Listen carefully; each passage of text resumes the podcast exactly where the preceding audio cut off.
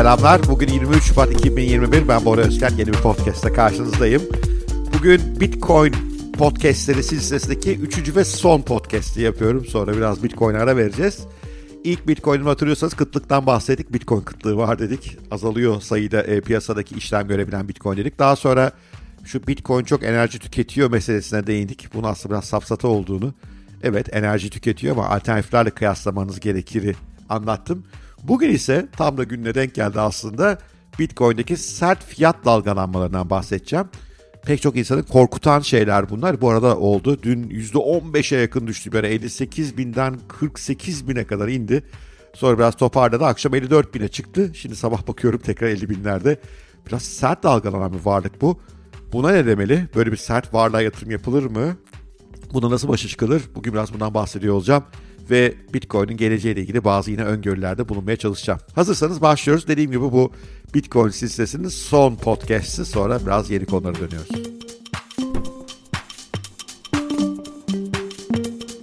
Şimdi Bitcoin ile ilgili ilk anlamanız gereken önemli şey Bitcoin tam bir serbest pazar ürünü.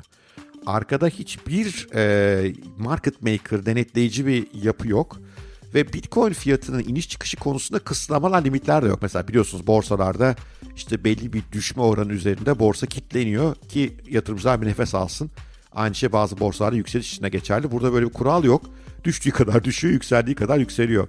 Borsalardan farklı olarak Bitcoin'de çok fazla pazar var. Yani binlerce pazar var.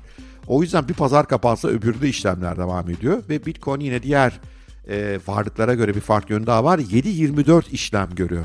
Yani siz cuma günü e, gayet mutlu mesut yatağınıza giriyorsunuz. Cumartesi pazar bir bakıyorsunuz piyasa birbirine girmiş.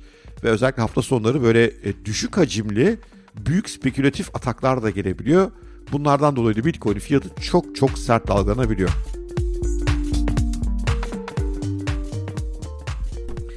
Aslında benim gibi biraz daha tecrübeli Bitcoin yatırımcılar için bu son dalgalanma çok önemli değil. Yani %10-15'lik düşüşler bizim daha alışkın olduğumuz şeyler. Bir zamanlar %30, %40'larla uğraşıyorduk. Burada mühim olan tabii düşüşün nereye kadar sürdüğü ve bir taban yapıp orada alımın gelip gelmeyeceği. Son iki sert geri çekilişlere işte biri 40 binlerde yaşandı, bir de şimdi 58 binden geriye çekilişte yaşandı. %15'ler civarında alıcı gelmeye başladı. %10'da alım bayağı kuvvetlendi. Bu bizim için iyiye işaret aslına bakacak olursanız. Çünkü daha evveller mesela 2017 krizinde 2017'de boğa pazarı sürerken yani yükselmeye devam ederken de böyle sert düşüşler yapıyordu. Her sert düşüşte %30 %40 kadar geriye gidiyordu. Alıcılar ancak oradan geliyordu. Burada %10-15'lere geldiği için biz aslında biraz daha mutlu mesutuz öyle söyleyebilirim.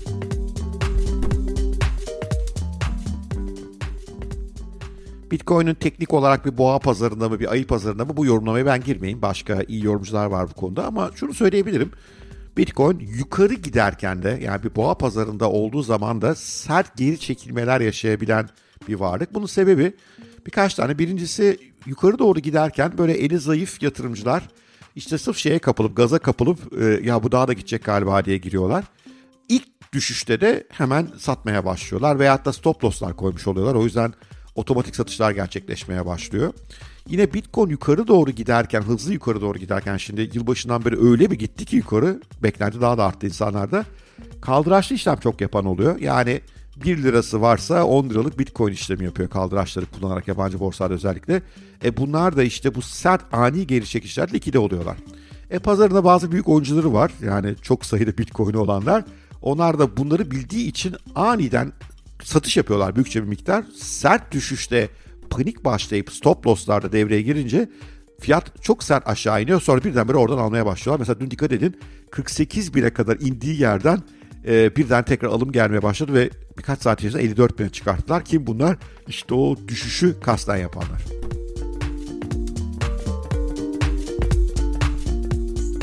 Bu devam edecek mi? Devam edecek. Bitcoin'in yapısı bu ve henüz e, 1 trilyon dolarlık bir varlığa geldi. Varlığın büyüklüğü bu tip spekülasyonlara cevap verecek güçte değil. Ayrıca e, çok sayıda küçük oyuncu var. E, bir, bir yandan da e, büyük whale'lar, balinalar dediklerimiz var. Onlar da bu küçük oyuncularla bu tip oyunları oynamayı seviyorlar. E, pazarın bir regülasyonda olmadığı sürece ki olmamasını istiyoruz aslında büyük oranda.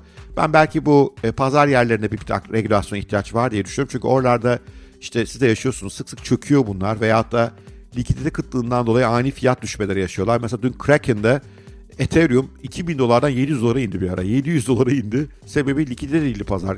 Giriş, olmadı. Satan panik yaptı. İşte bu tip şeylere izin vermemek gerekiyor. Belki buralarda biraz regülasyon ihtiyaç olabilir. Ben Bitcoin'de regülasyona karşıyım ama exchange'lerde bence bir miktar regülasyon lazım.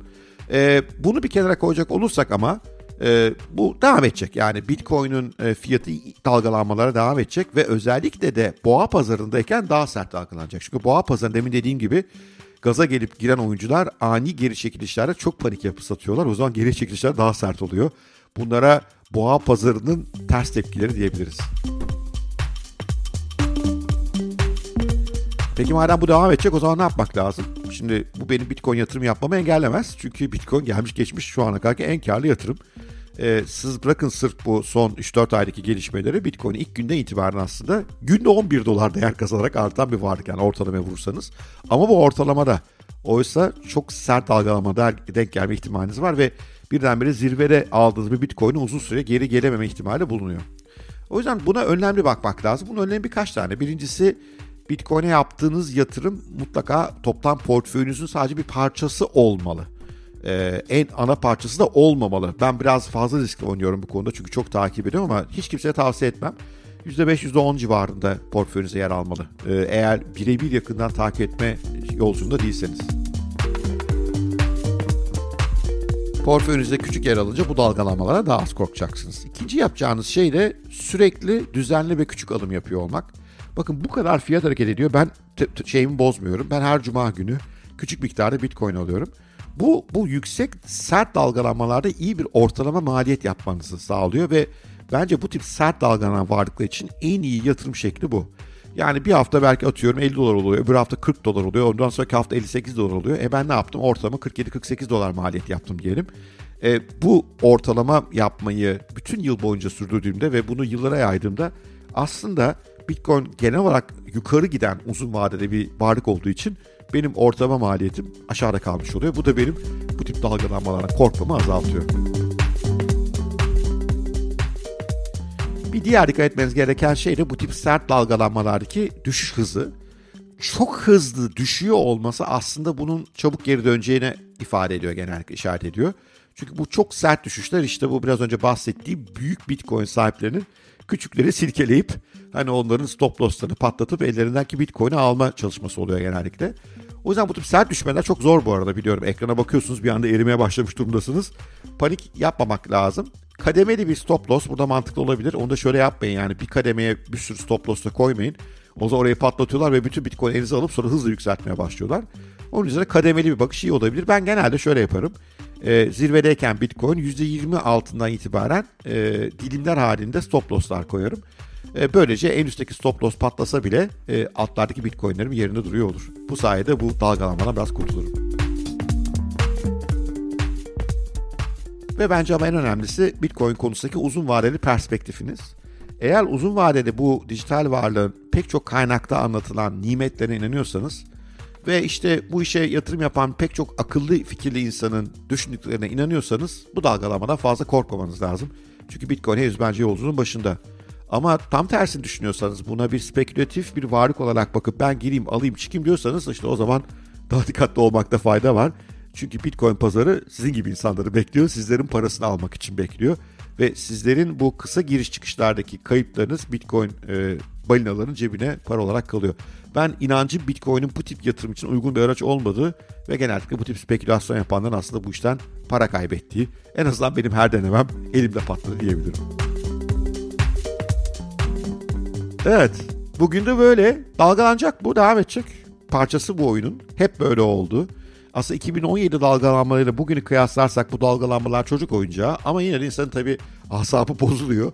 Mesela bu pazar akşamı kendimi çok zengin bir insan gibi hissederken pazartesi sabahı öyle hissetmiyordum pek. Bu gayet doğal ekranın karşısında eriyorsunuz. Ama uzun vadede baktığınız zaman meseleye o zaman biraz daha rahat oluyorsunuz. Ama her zaman söylüyorum Bitcoin zor bir yatırım ee, ve insanı biraz sinirlerini bozabilen bir yatırım. Bu dalgalanmaları psikolojik olarak kaldıracak bir insan değilseniz bu işten tamamen uzak durmanız çok daha akıllıca olur. Ve önemli not her zamanki gibi tekrar hatırlatmak isterim. Yaptıklarım yatırım tavsiyesi değil, kendi yolumu anlatmaya çalışıyorum size. Ben Bitcoin uzun vadede iyi yerlere gideceğine inanan bir insan olduğum için bu stratejileri izliyorum. Ama Bitcoin hala riskli bir varlık. Her geçen gün sıfıra gitme ihtimali milyon dolara gitme ihtimalinden daha az hale geliyor bence. Ee, ama hala bu ihtimal var. Sert düşüşler yaşama ihtimali var. Lütfen portföyünüzde ona yer verirken çok dikkatli olun. Portföyünüze ona yer verip vermeyeceğinizi kendinize çok sık araştırın. Hep söylüyorum Bitcoin en azından 100 saatlik bir okuma gerektiren bir şey. Benim hattinaş.net sistemde bununla ilgili makale linklerini vesaireleri bulabilirsiniz. Onlara bir bakmanıza fayda var. Ancak ondan sonra yatırım alın. Ne benim ne de başkasının hiçbir tahminine, hiçbir tavsiyesine fazla kulak vermeyin. Evet, bugünlük podcast'ta bu kadar. Eğer beni Apple Podcast kanalında dinliyorsanız özellikle bir like, bir yorum çok çok iyi olur. Her kanalın buna izin vermediğini biliyorum ama mesela Spotify'da yok bu opsiyon ama Apple Podcast'ta var. Bu tip like'lar, yorumlar e, kanalımın daha fazla tanınmasını, daha fazla insan erişmemi sağlıyor. Yarından itibaren yeni bir seriye başlıyoruz bu arada. Karar alma üzerine biraz konuşuyor olacağız. Doğru kararlar nasıl alınır konusunda e, çeşitli konulardan bakmaya çalışacağım. Hafta sonuna kadar konumuz karar alma. Umarım o da ilginizi çeker. Görüşmek üzere, sevgiyle kalın, hoşçakalın.